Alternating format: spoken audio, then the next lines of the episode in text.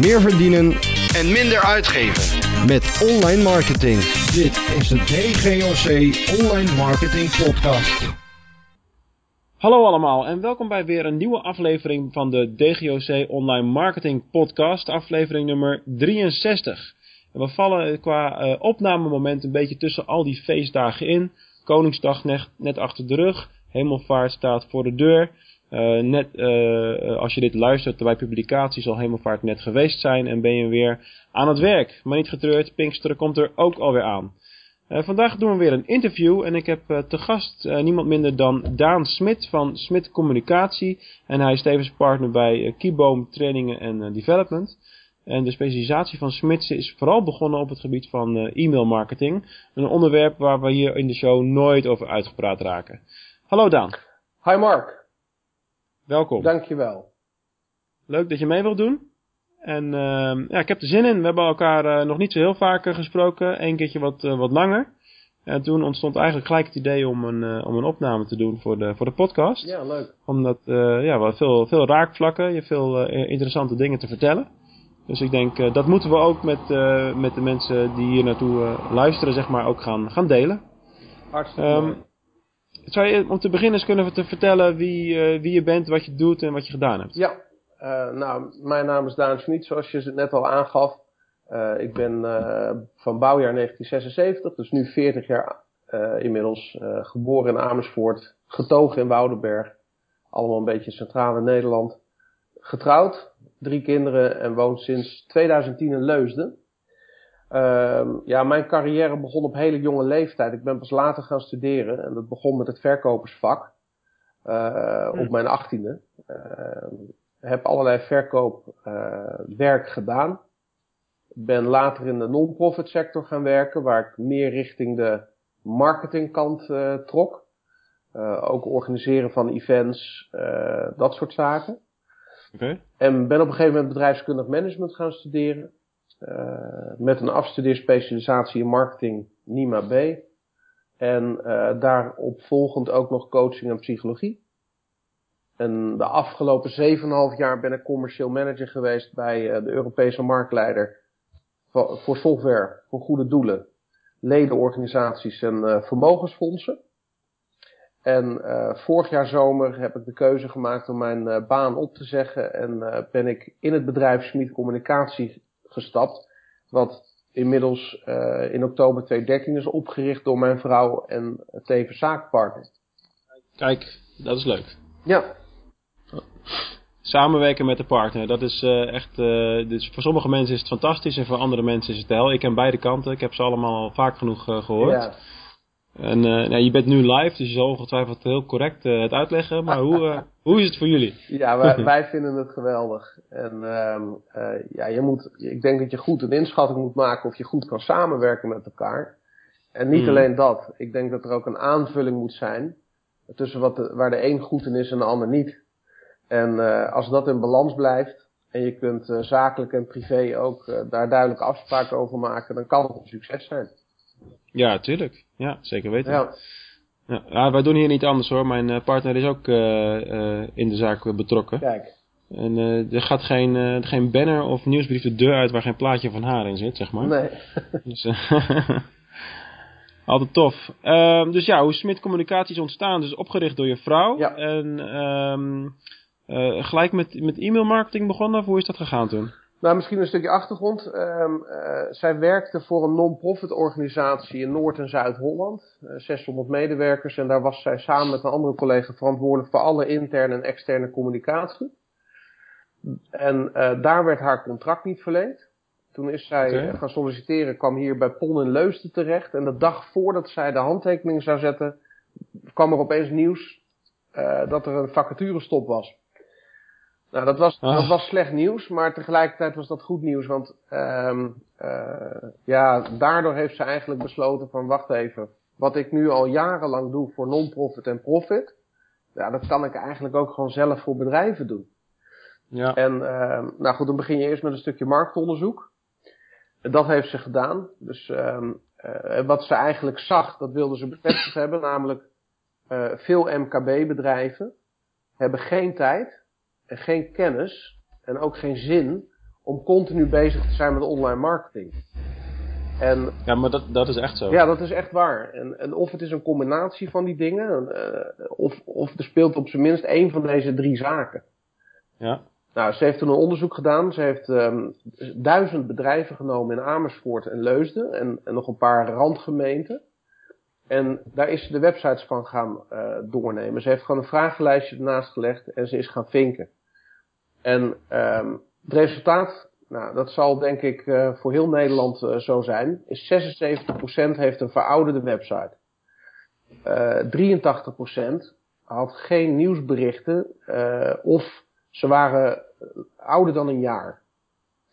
En um, bij 200 bedrijven kon ze zien dat ze niet consequent waren in het sturen van een nieuwsbrief. Dus die hadden dan een archief staan en dan zag je daar oh, ja. gaten in. Ja, ja, ja. En het meest verrassende was eigenlijk dat 91% geen duidelijke, hè, sommigen hebben er wel een, maar niet duidelijk, uh, geen duidelijke call to action op hun homepage of op andere pagina's. Ja, dat was, dat was voor ons zo'n eye-opener dat we zeiden, ja, de conclusie is eigenlijk, er wordt niet structureel gecommuniceerd met klanten en prospects. En er mm. worden online gewoon niet continu leads en conversies gedaan. Maar wat je eigenlijk gesignaleerd hebt, is dat er uh, bij een ontzettend groot gedeelte van de bedrijven eigenlijk basisdingen nog steeds misgaan. En we zitten nu in 2016 inmiddels. Ja.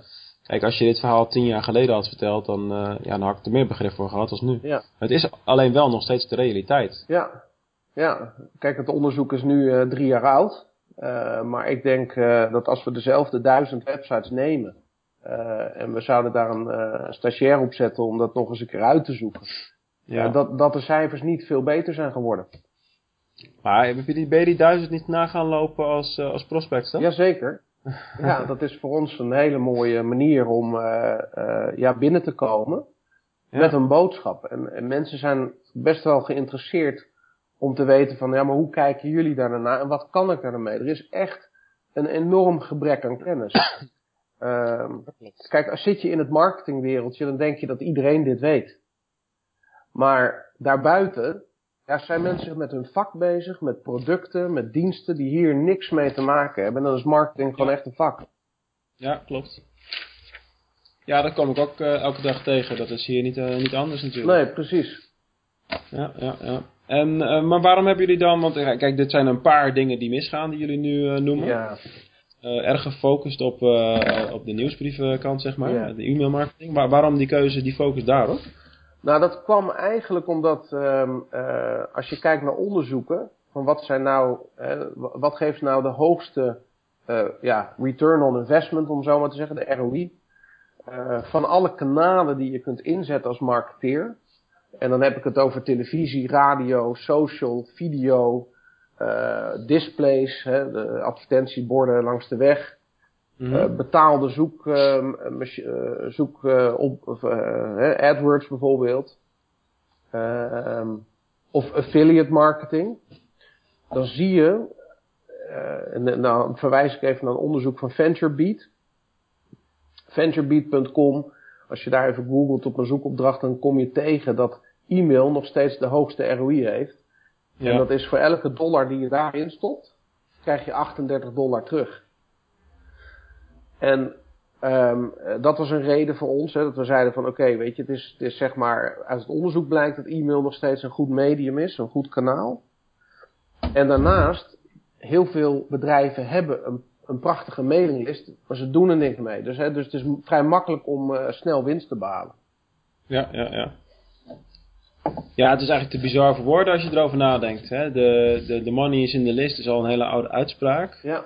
Um, maar als je nagaat hoeveel uh, bedrijven er weinig of geen gebruik van maken. En wat ik nog veel erger vind is bij hoeveel bedrijven e-mail uh, al is afgeschreven als een uh, oud kanaal ja, als het ware. Ja, onbegrijpelijk. Ik kom... Ja, dat snap ik ook niet. Wij komen ook hele eigenwijze ondernemers tegen die zeggen van ja, mijn e-mail, er zit niemand op te wachten, want dan klikken ze direct weg. En uh, ik heb het wel eens gevraagd aan mijn klanten en die willen ja. helemaal geen mail ontvangen. Hé, hey, ja, zou jij ja zeggen als klant was? Nee, nee. Ik wil ook geen mail ontvangen, wil niet zeggen dat ik er niet gevoelig voor ben. Nee, eens. Ja, zo werkt het nou eenmaal. En uh, het is natuurlijk wel zo dat de jongere doelgroep, dus zeg maar de mensen tot 25 en jonger nu, Ja. die hebben wel minder met e-mail. Ja. Als, als, eh, als dat. Maar goed, je moet nadenken, ook met, ik denk dat dat voor jouw klanten in het bijzonder ook geldt, van waar zitten de, de beslissers die uiteindelijk de portemonnee trekken. Precies. En die zitten gewoon vaak echt wel in die demografie van 30 plus. En die zitten heel erg sterk in e-mail. Ja. Oververtegenwoordigd zelfs. Ja. dus eh, daar gaat het uiteindelijk om. En dat zetten we in ieder geval de komende 10, 20 jaar nog eh, ja, volop in, zeg maar. Absoluut. En het, Dus- natuurlijk is het goed om vooruit te kijken. Tuurlijk is het belangrijk, doen wij ook, om andere kanalen in te zetten. En multi-channel is natuurlijk gewoon eh, heel logisch om in marketing te gebruiken. Ja. Maar ik ben het volledig met je eens. De decision makers, de mensen met de portemonnee, zitten vaak nog in je doelgroep met mail en kun je prima bereiken. Dat is gewoon het feit, ja. Ja. Ja, en, toch, eh, en toch wordt het veel te weinig gedaan. Dus eh, er is voor ons nog onwijs veel werk aan de winkel. Wat natuurlijk het vak alleen maar fantastisch en mooi maakt. Ja. En, eh, en, en heel erg leuk om, om te doen. Ehm eventjes wat meer inhoudelijk richting eh, de e-mail. Want je werkt natuurlijk, eh, als je daar in die, eh, in die markt, in die hoek zit, kom je allerlei verschillende pakketten tegen. Ja. Hè, onze klanten hebben ook van alles en nog wat. Wij werken met pakketten uiteenlopend van Mailchimp tot aan Copernica. ja. Nou, die zullen je niet onbekend zijn. Welke pakketten gebruiken jullie? Nou, als wij een, een klant, een nieuwe klant werven, waar wij zelf de diensten uit mogen maken als het gaat om het pakket wat ze gebruiken, dan is dat meestal Mailchimp of Campaign Monitor. Oké. Nou, Mailchimp hoef ik niet uit te leggen, dat kennen de meeste mensen. Ehm, het voordeel Ja. vind Dan dan gaan we al eigenlijk een vooroordeel Ja, maken. Hè? Zie, zie, je, Ja. zie je hoe makkelijk we dat doen? ja, ja, ja. Nou, Nou zijn de mensen die naar de podcast luisteren, zijn wel mensen met bovengemiddelde interesse. Dus ik denk dat dat wel klopt. Maar als je naar je eindklant kijkt, die hebben geen idee, hè? Nee, dat is waar. Nou, misschien even kort een toelichting waarom die twee. Kijk, eh, met Mailchimp te beginnen. Wij zien dat Mailchimp hard aan de weg timmert om voornamelijk integraties eh, te, te, beschikbaar te stellen met andere softwarepakketten. Ehm, en dat maakt Mailchimp interessant. Ehm, de tweede reden dat Mailchimp interessant is, is dat ze een van de eerste waren die e-mail automation toevoegden als functionaliteit aan een e-mail marketingpakket. Mm. En eh, daar is wel het een en ander op af te dingen op Mailchimp. Hè. Dat, dat- het heeft fans en het heeft ook echt eh, mensen die er helemaal niks van moeten hebben. Maar over het algemeen gesproken vind ik Mailchimp echt een prima systeem. En- En je kunt er doelen mee bereiken. En daar gaat het om. En als ik kijk naar Campaign Monitor, dat is een Australisch pakket. Daar heb ik jarenlang mee gewerkt, ook bij mijn vorige werkgever. Vandaar dat wij hem ook hebben omarmd, omdat we hem al goed kenden en daar enthousiast over waren. Ja, logisch. Dan heb je het over een pakket wat gebruikt wordt door Nike, door Apple, door het Wereld Natuurfonds. eh, behoorlijk wat eh eh, A-merken, A-plus merken. Hè, dus dus er is, dat, dat komt omdat er heel veel in mogelijk is. Dus als klanten iets verder willen dan Mailchimp, hè, want zij hebben ook e-mail automation, dan- is Campaign Monitor voor ons een hele goede stap. En wat is, het, wat is het verschil tussen die twee dingen dan? Nou, eigenlijk is de gedachte vanuit Mailchimp. eh, kijk, Mailchimp denkt vanuit lijsten. En ehm Campaign Monitor, zoals, het woord al zegt, denkt vanuit campagnes.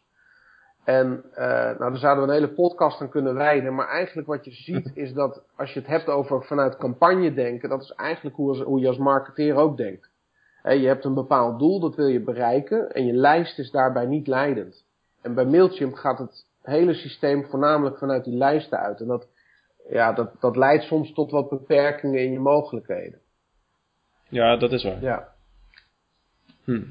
Ja, goed, dat is ook zo. Maar eh, poeh, als je zeg maar 10 prospects hebt of 10 klanten, hoeveel daarvan eh, zet je dan weg op Mailchimp en hoeveel op Campaign Monitor? Want ik vermoed dat eh, het startniveau wel vereist dat je met Mailchimp begint. Het, het prijsniveau zal wellicht ook anders zijn. Ja, het prijsniveau ligt wel iets anders. Ik zou zeggen acht stappen op Mailchimp en twee op Campaign Monitor. Maar wij hebben soms ook klanten hoor, die net als jullie eh, bepaalde pakketten gebruiken waar ze al alles in hebben zitten. Soms Ja. hè, ingebakken in het CMS wat ze gebruiken. Ja, dan, dan kijken we voor, met name naar de voor- en nadelen om over te stappen. En, en wat wil je bereiken? Ja, tuurlijk. Ja, als die drempel heel groot is en er is veel geïnvesteerd in integraties en dat soort dingen, dan, eh, ja, dan is het pakket op een gegeven moment ook niet meer leidend natuurlijk. Nee, eens. Dus dat snap ik wel. Oké, nou wel interessant. Maar heb je dan ook wel eens dat, dat je bij, want dat gebeurt bij ons ook wel eens, heb je dan wel eens dat iemand begint met Mailchimp, want dat is lekker laagdrempelig, weinig kosten, makkelijk, et cetera. Ja. En daarna later een overstap maakt? Ik heb het nog niet meegemaakt, uh, gebied de eerlijkheid te zeggen. Okay. binnen onze praktijk. Maar kijk, weet je, dat zou maar zo een keer kunnen gebeuren. Ja, toch? Ja. Lijkt me ook wel. Oké, nou cool. Ja, e-mail marketing, daar kunnen we de hele uitzending makkelijk mee, mee vullen. Uh, maar, maar zoals je wellicht weet, duren onze podcasts ongeveer een half uur. Dus liever ook niet veel langer. Een beetje woon-werkverkeer, zeg maar. Ja. Dus we gaan naar een compleet ander onderwerp. Want dat is ook heel erg interessant. Je hebt ergens in september dit jaar organiseer je een evenement. Ja. speciaal voor ja, bedrijfseigenaren, MKB en kleinbedrijf zeg maar. Dat heet Zickler Business Owner Event. Ja.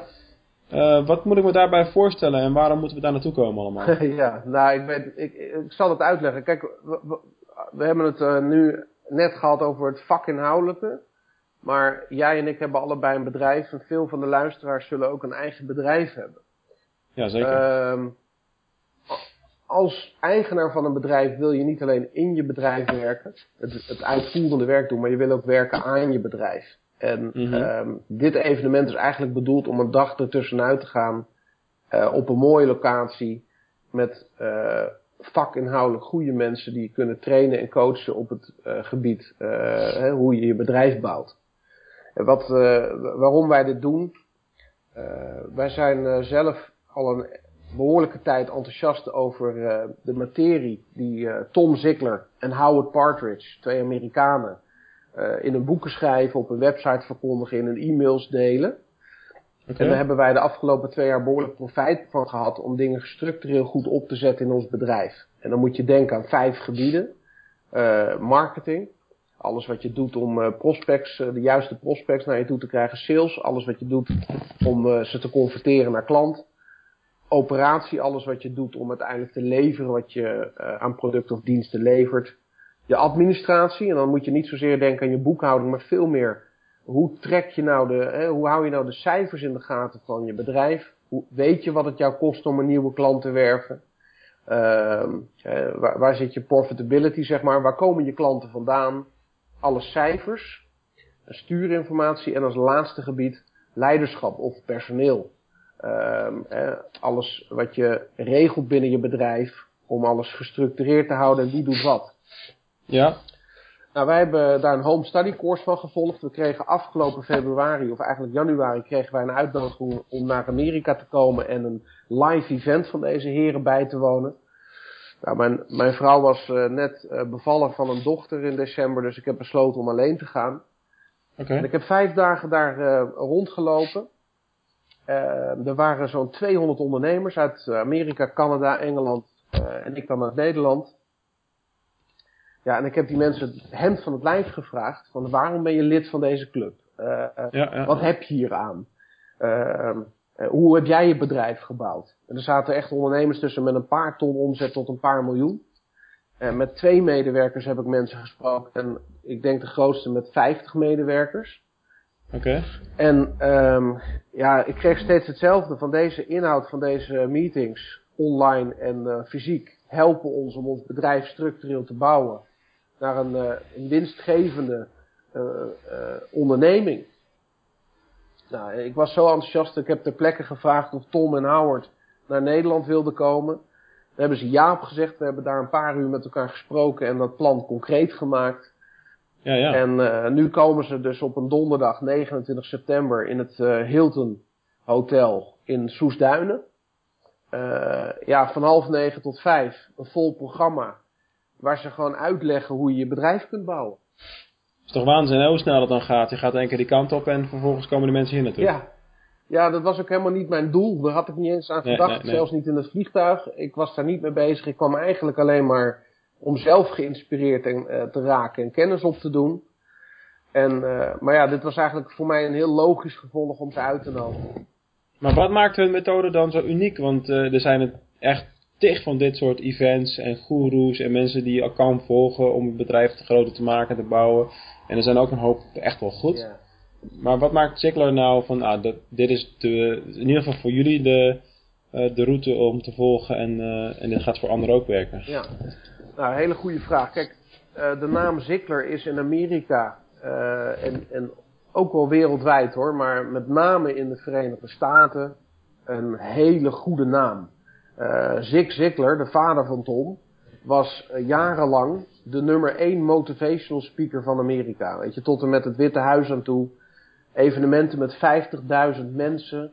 Dit was een grote naam. Mm -hmm. En um, dat is het nog steeds. Alleen Zig Ziglar is in 2012 overleden. Tom heeft het bedrijf verder voortgezet. om de legacy van zijn vader te doen voortleven. Ja? En ja, die naam wordt nog steeds heel erg gerespecteerd vanwege de kwalitatieve inhoud van wat zij delen.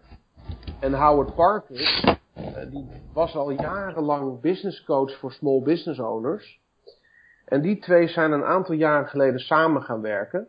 Omdat de inhoud bij elkaar paste. En ja, omdat ze allebei iets voor elkaar konden betekenen. Nou, wat maakt hun uniek? Um, ik denk dat het behoorlijk down to earth is. Hè. Wat je vaak in Amerika ziet is van die mannen op, uh, in strakke pakken op een podium. Die jou wel eens eventjes gaan vertellen hoe je succesvol moet kunnen zijn. Ja. Wat veel te gelikt is en, en wat werkelijk helemaal niks meer met de realiteit te maken heeft. Maar alleen maar zakkenvullerij is, even in mijn woorden gesproken. Mm -hmm. En wat ik hier proefde was van, hé, hey, er staan normale mensen op het podium. Ook in de zaal zag ik geen van die gehypte types die andere mensen aan het aanbidden zijn. Okay. Maar het was gewoon heel down to earth en heel open over wat ze goed hadden gedaan in het bedrijf, wat ze geleerd hadden. En wat niet goed was gegaan. En het belangrijkste argument voor mij om ze uit te nodigen is, je hebt een hele hoop business coaches, maar die vertellen een ander precies hoe het moet, maar die staan niet met een poot in de klei. Dat is, altijd, dat is een hele belangrijke. En dat was Zeker. voor mij doorslaggevend. Zij hebben allebei een bedrijf. Uh, naast hun uh, trainings- en coachingsbusiness. En dat, dat draait als een tierenlier. En, en ze brengen dus wat ze onderwijzen in de praktijk. Ja, dus ze weten ook wat wel en niet werkt. En dat, dat proef je in alles. Ja, dat is, dat is denk ik een van de belangrijkste punten. Dat, uh, dat sprekers die, die zelf ook in de business blijven, zeg maar. Op zijn minst met één poot in de klei, zeg maar. Ja. dat, dat, dat maakt wel echt het grote verschil vaak. Dat is absoluut waar. Absoluut, ja. Top. Um, Oké, okay, waarom is het zo belangrijk? Want je, dit is echt iets wat je gedaan hebt om aan je bedrijf te werken in plaats van dat je continu erin zit en met klanten bezig bent ja, enzovoort. Ja. Waar, waarom is dat toch zo belangrijk nog steeds? Nou, in, in, uh, in al die jaren dat ik nu uh, uh, werk en, en dus ook contact heb met ondernemers, merk ik gewoon dat heel veel mensen heel druk zijn met operationeel gedreven dingen. Ja. Brandjes blussen, het werk afkrijgen, om te kunnen factureren, om te kunnen leven. Terwijl als je soms een stap terugneemt en naar je bedrijf kijkt, van buitenaf, en denkt van, maar wat kan ik dan beter doen? Wat kan ik anders doen? Um, eh, vaak heb je als ondernemer dat je druk bent en, en gedurende de dag misschien wel een paar keer denkt, ja, dit moet ik eigenlijk anders regelen. Of dit moet ik niet meer zelf doen. Of, ja, dat klopt. Ja, ja, ja. Niet meer zelf. Ja, dan ben je met een offerte bezig en dan denk je, ja, eigenlijk moet ik dat schabloon eens aanpassen. Het is een oud schabloon. En je weet dat het bij elke offerte kost het je een half uur extra. uh, ja, deze, deze taken, bevoegdheden, verantwoordelijkheden van deze medewerker, die zou ik eigenlijk eens uit moeten schrijven. Want dan weten we zeker dat als hij op vakantie is, dat iemand uh, ook op dezelfde manier de telefoon opneemt. Of Mhm. mm -hmm. op dezelfde manier de e-mail verzendt. En uh, nou, dat zijn van die stemmetjes die je in je hoofd hebt. En we gunnen onszelf gewoon veel te weinig tijd om dat serieus te nemen. En dat noem ik werken aan je bedrijf in plaats van in je bedrijf. Ja, het is ook gewoon een keuze van waar je je geld aan, uh, aan uitgeeft. Uh, je kunt van alles doen aan, aan marketing en campagnes en weet ik het wat. Maar het, is, het kan wel eens lucratiever zijn om, om een overschot in personeel te hebben. Dat klinkt heel raar misschien. Ja. Maar als je genoeg capaciteit hebt om alle dingen aan te kunnen en te doen, dan heb je ook ineens veel meer tijd om aan het bedrijf te werken. Ja. Nou, een van, een van onze sponsors uh, is uh, mijn broer. Uh, mijn broer die is, heeft een eigen bedrijf, Schmid Global Logistics. Mm -hmm. En is sponsor van het evenement. Um, heeft jaren geleden besloten personeel aan te nemen. Dat vond hij de moeilijkste stap in zijn carrière. Omdat hij zoiets had van, ja, maar ik kan het zelf toch allemaal beter en het gaat toch goed zo. Maar het nadeel was, hij was weinig thuis. Hij had weinig vrije tijd. En ja, wat, wat wij dan binnen dit evenement noemen slaaf van je business zijn.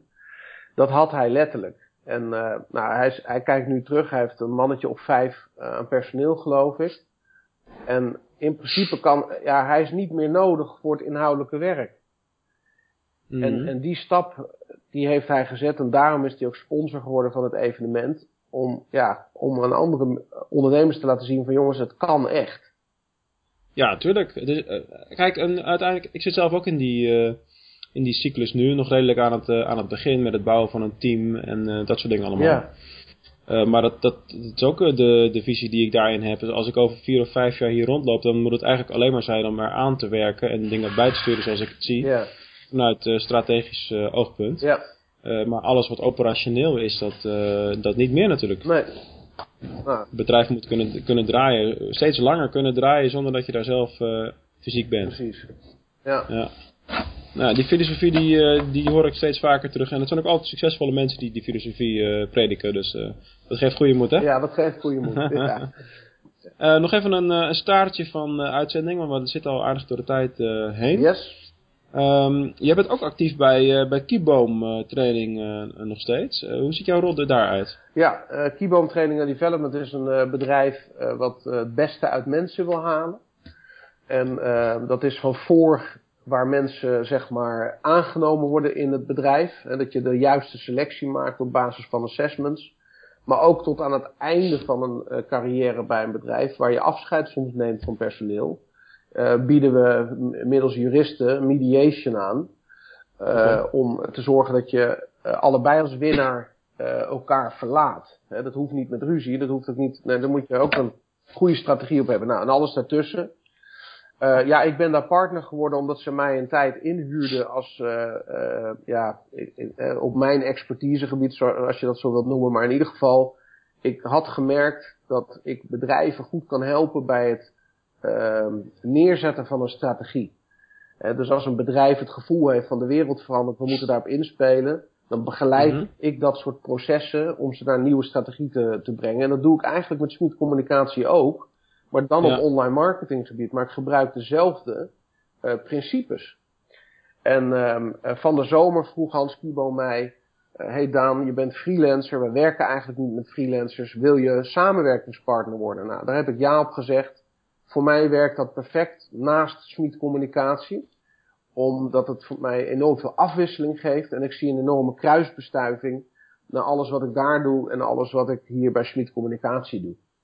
Ja, het is ook gewoon een mooie kans. Dat lijkt me helder. Ja, ja. Zeker. Tof.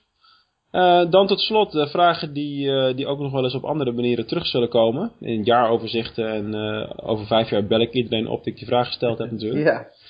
Uh, waar zie jij jezelf staan over vijf jaar? Nou, ik vond het heel mooi wat je net zei, Mark. Dat um, um, ik wil ook over vijf jaar op een, op een punt staan waarbij um, een deel van Smit communicatie in ieder geval uh, gedaan wordt door andere mensen. Hè. Wij, wij, hebben nu ons kantoor nog aan huis, 20 vierkante meter hier, uh, perfecte ja, ja. plek. Maar de, de, de, ja, ik, ik denk eind van het jaar, begin volgend jaar, dan gaan wij verhuizen. En dan gaan we ook ons eerste personeel aannemen. En ja, over vijf jaar verwacht ik dat dit een volwaardig bureau is met meerdere specialiteiten die we gewoon hier hebben rondlopen. Super.